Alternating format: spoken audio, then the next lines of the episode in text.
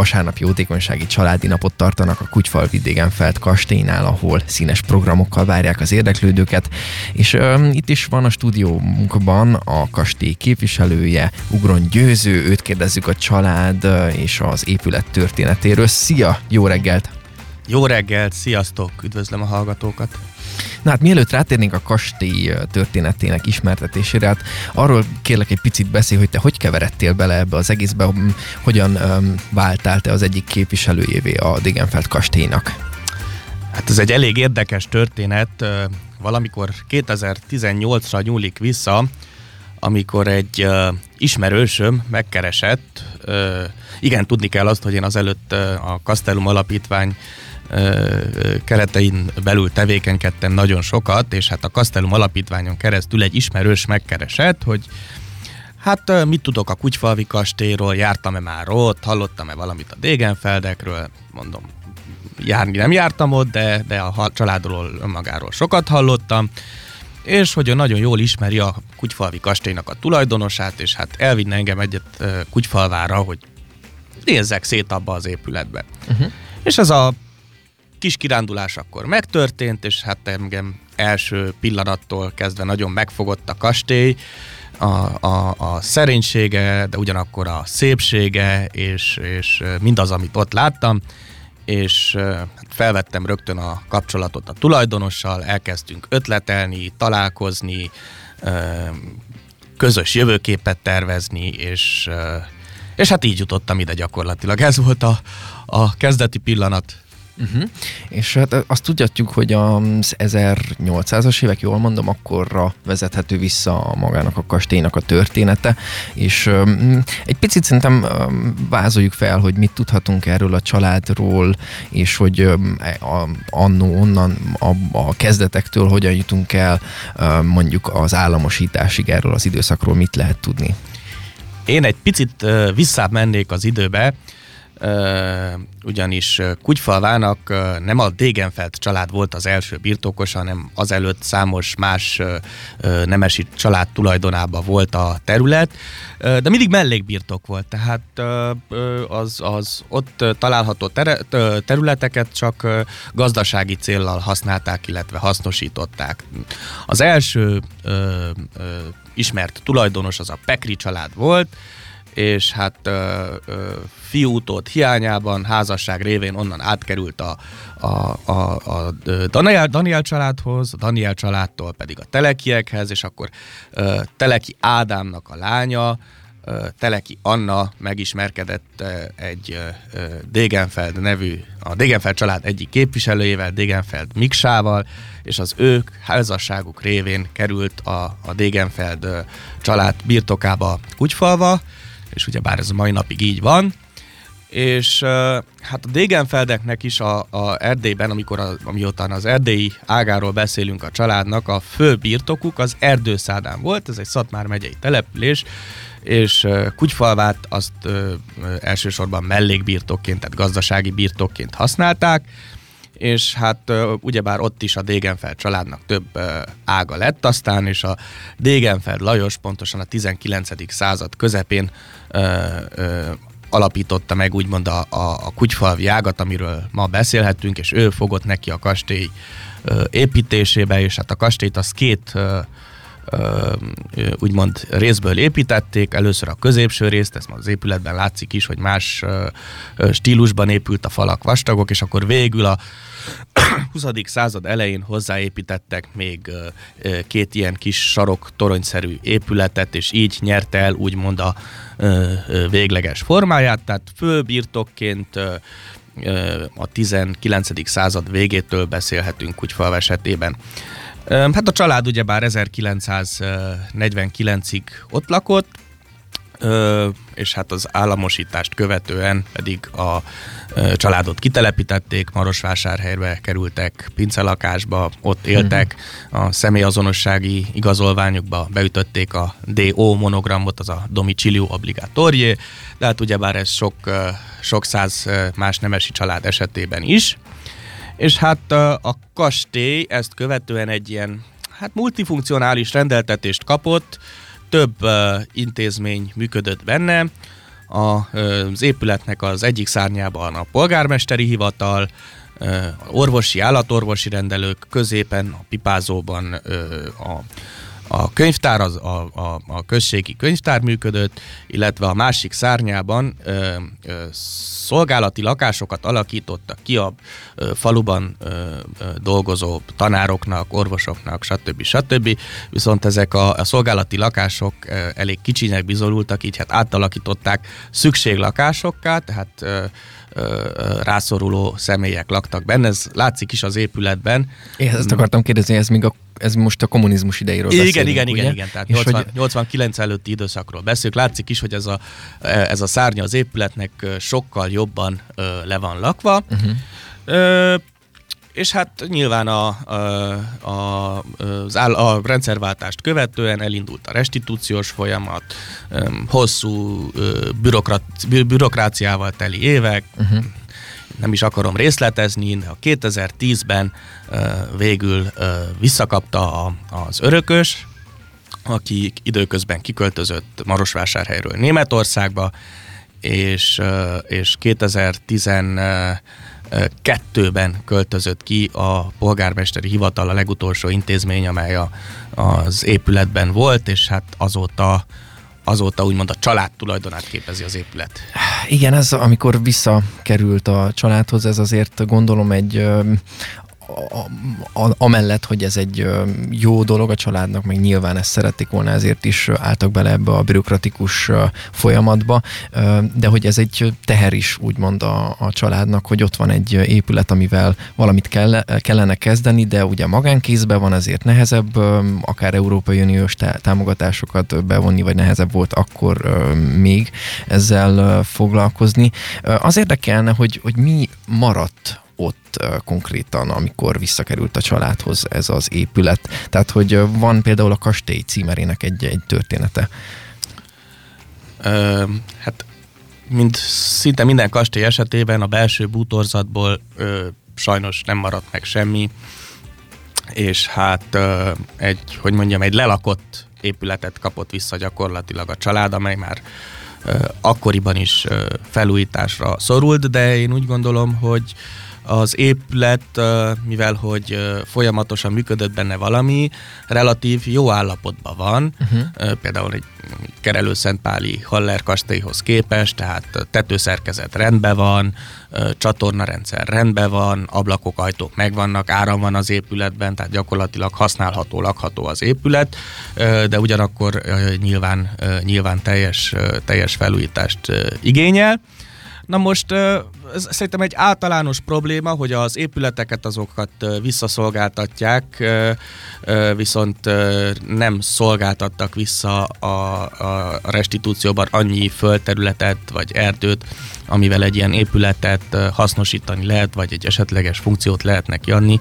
Ugyebár Teleki Sándor írja meg a könyvében, hogy egy négyzetméter kastély fenntartásához egy hold erdő kellett, hm. ez a fél hektár, és hát csak a, kast, a Degenfeld kastélyról esetében, ugyebár ami egy más kastélyokhoz képest relatív kis épület, tehát az alapterülete csak 800 négyzetméter két szinten, tehát 1600. Uh-huh. Na most vajnyi kevés erdőt, illetve földterületet kaptak vissza, és ebből ezt nem lehet ezt az épületet fenntartani, tehát nyilvánvaló, hogy vissza nem térítendő támogatások bevonása az esetleges remény és lehetőség a teljes felújításra.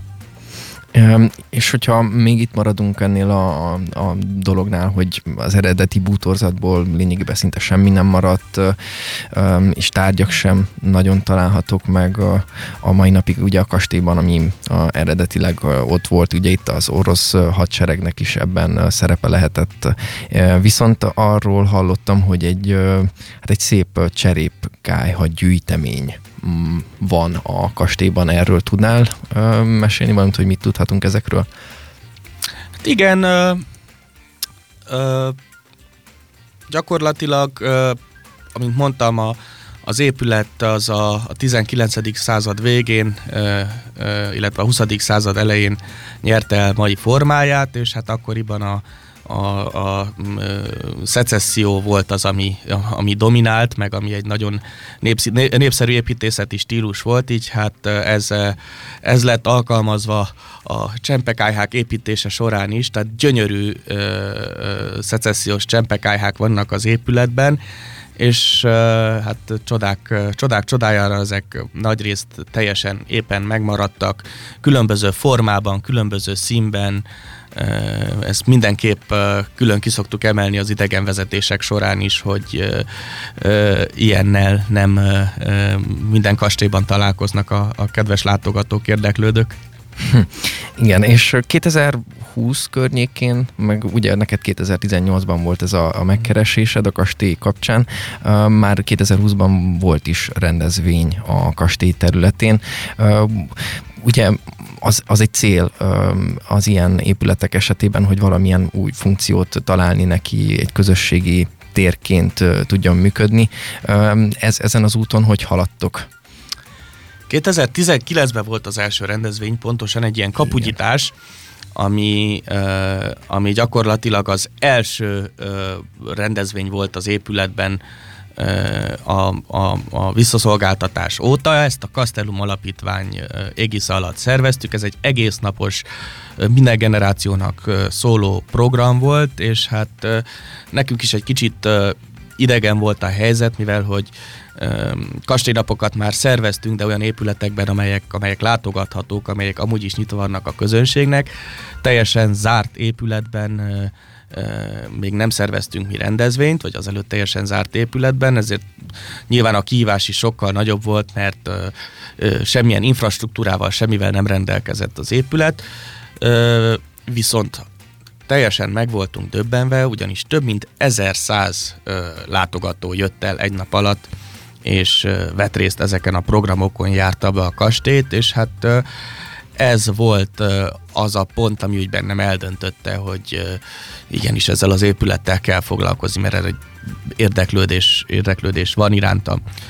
Na járt ez a kastélynap, és azt követően folytatódott az ötletelés, a tervezgetés, hogy hogyan tovább, és hát 2020 nyarán jutottunk oda, hogy állandó idegenvezetés, nyitvatartást biztosítottunk az érdeklődőknek hétvégén, ugyebár ilyen jellegű idegenvezetés számos kastélyban működik, csak a közelben, például Gernyeszegen, a Teleki kastélyban, uh-huh. vagy Marosvécsen, és hát ugyebár ez egy ilyen pandémiás időszak volt, tehát a látogatók azok nem jöttek olyan nagy számban, meg olyan szép számban, mint hogy előzetesen terveztük, Viszont, viszont jöttek, és hát közben folyamatosan mm, próbáltuk az épületnek a, a, a, a helyzethez képest egy funkciót adni, és hát egy ilyen multifunkcionális ö, szabadidő központ képe alakult ki belő, be, ö, bennünk,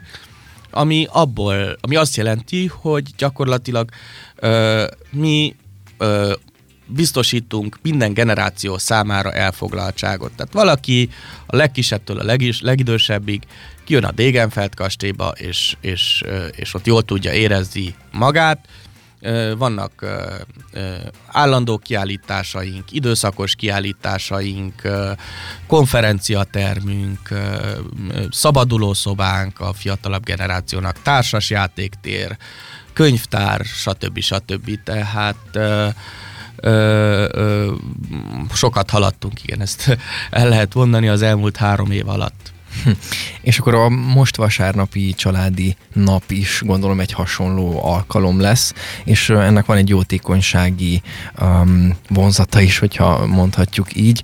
Uh, egészen pontosan mit lehet támogatni a most vasárnap? A most vasárnapi rendezvényen ételjegyet lehet venni, és a az ételjegyekből befolyt összeget a, kastély úgymond felújítására fogjuk, fogjuk fordítani. Pontosabban egy egyik impozáns termét szeretnénk belőle a befolyt összegből felújítani.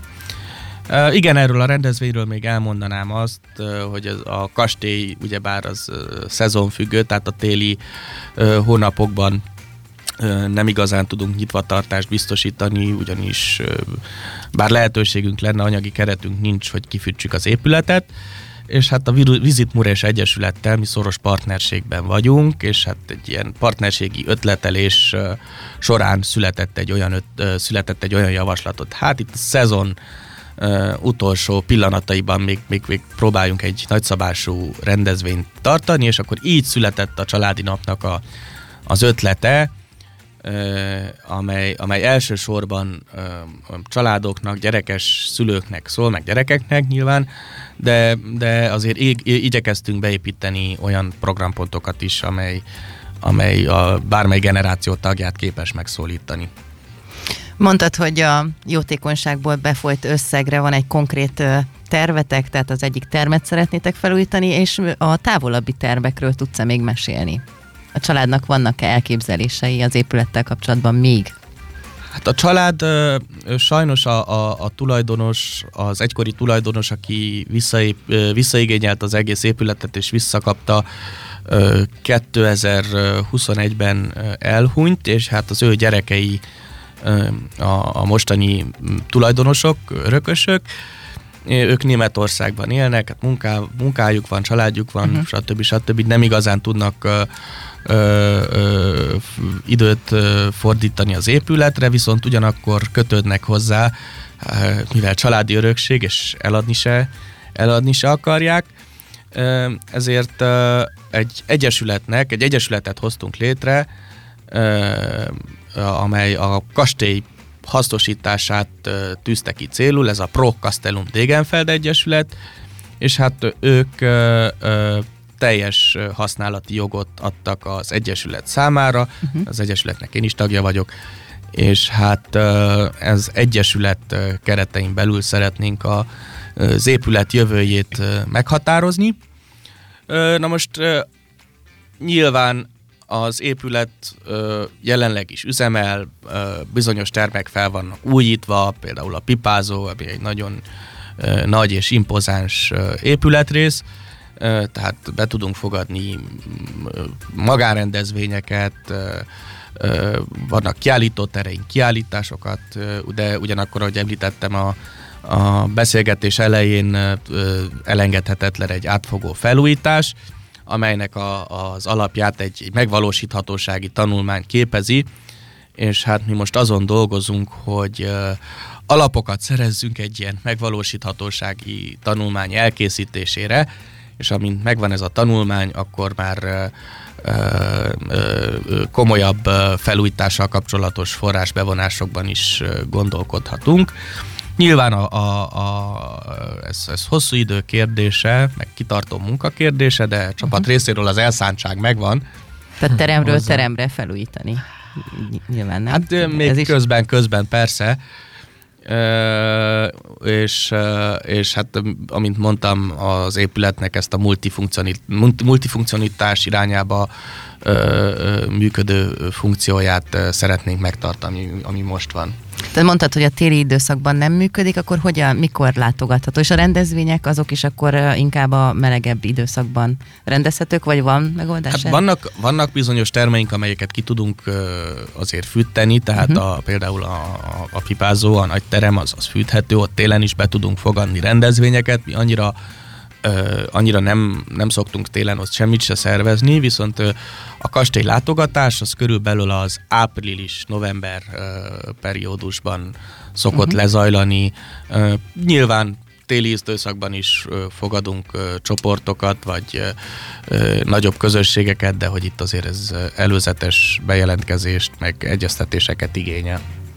Említetted azt, hogy nem csak a Degenfeld kastély ügyével foglalkozol, hanem más kastélyoknál is beszállsz, tevékenykedsz, sétákat szoktál vezetni. Milyen projektek vannak most így a szemed előtt, melyek a, a fő projektjeid?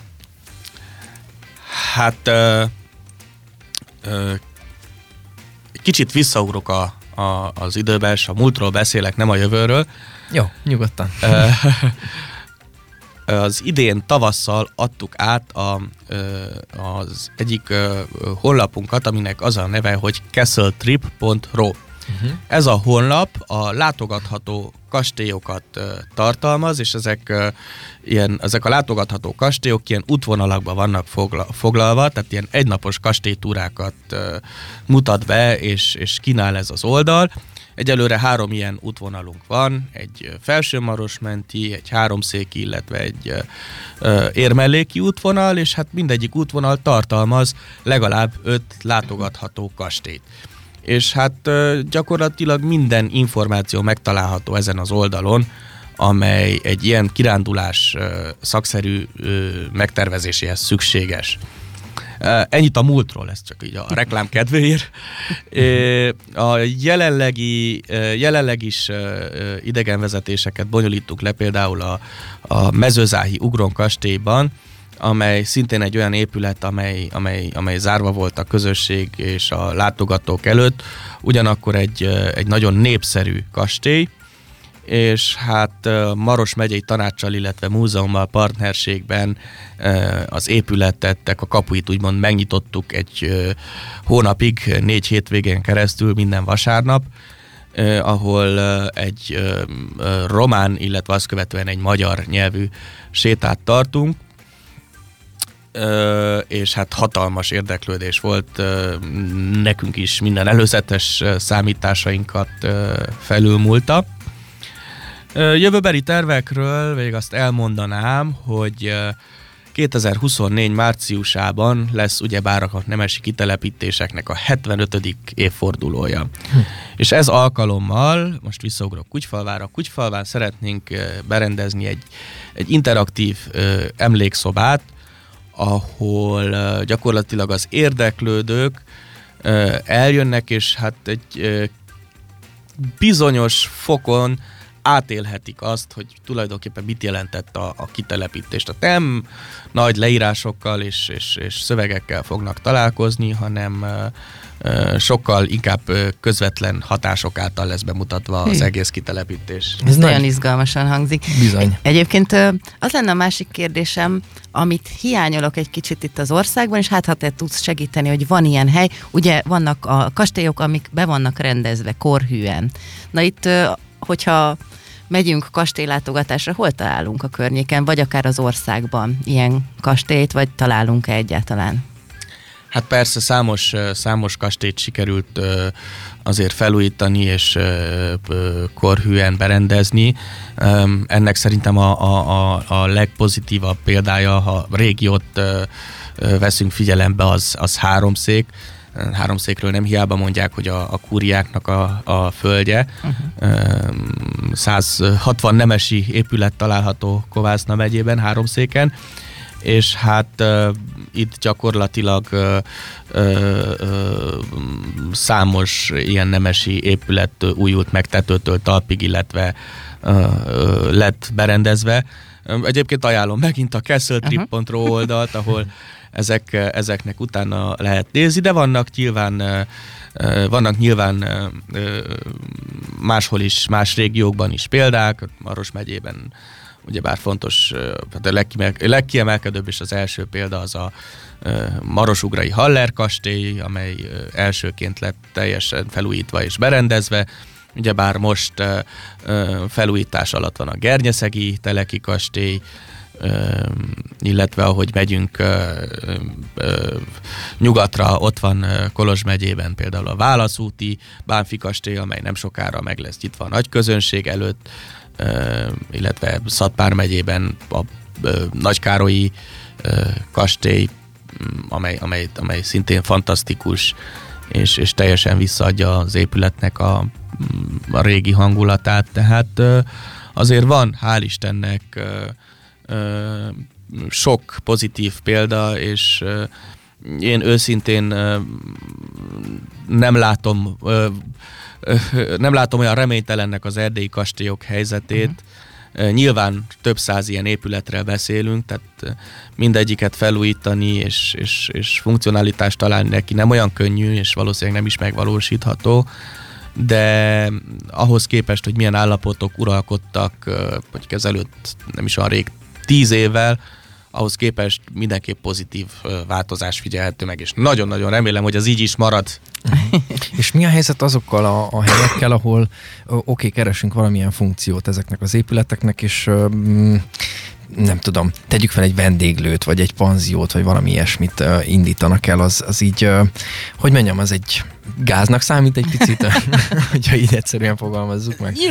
De hogy számít gáznak, hát ilyen, egy ilyen épületnek a fenntartása az, az, az óriási uh-huh. költségeket emészt fel, és ez a funkció, ez, ez ez azért egy nagyon nehéz dolog, hogy egy, egy épületek egy ilyen funkciót találni, uh-huh. és úgy gondolom a, a, a vendéglátás, a turizmus, az, ami a legtöbb anyagi, anyagi bevételt vonza. Tehát, hogyha én belekezdek egy, egy, egy kastély projektbe, vagy egy kastély, kastély, kastély hasznosítási projektbe, az elsődleges szempont az nyilván oké, okay, szerzek valamilyen alapokat, felújítom, rendbe teszem, de hát miből fogom fenntartani. Uh-huh. És, és hát azért a, a szálloda meg a vendéglő az egy, az egy kiemelkedő bevételt biztosító forrás, tehát sokkal több anyagi hasznot hoz, mint mondjuk egy múzeum, vagy nem tudom. Uh-huh. Hát az biztos, csak hogy közben uh, akkor talán nem uh, mellékes az, hogy ne, ne tévessz szem előtt az, aki ezzel foglalkozik, hogy mm, valamennyire az eredetiségét megőrizze csak, a helynek. Vagy csak ez, van műemlékvédelmi. Hát nyilván azért, azért nyilván. számtalan műemlékvédelmi kritérium van, amelyet egy ilyen épület felújítás során be kell tartani, de hogy azért ezek figyelembe vannak véve. Uh-huh. Na hát Tehát akkor azért a... modernet nem fognak csinálni hát, nagy valószínűséggel belőle egy üveg. Nagyon, van, üveg. van, van erre példa, Egyébként de nagyon igen, kevés az elenyésző. és csak ezért mondom, én is találkoztam ilyenekkel, és az úgy egy picit meghökkentett, hogy különleges látvány fogadott meg így, na igen, ez össze tudja zavarni egy picit a fejeket.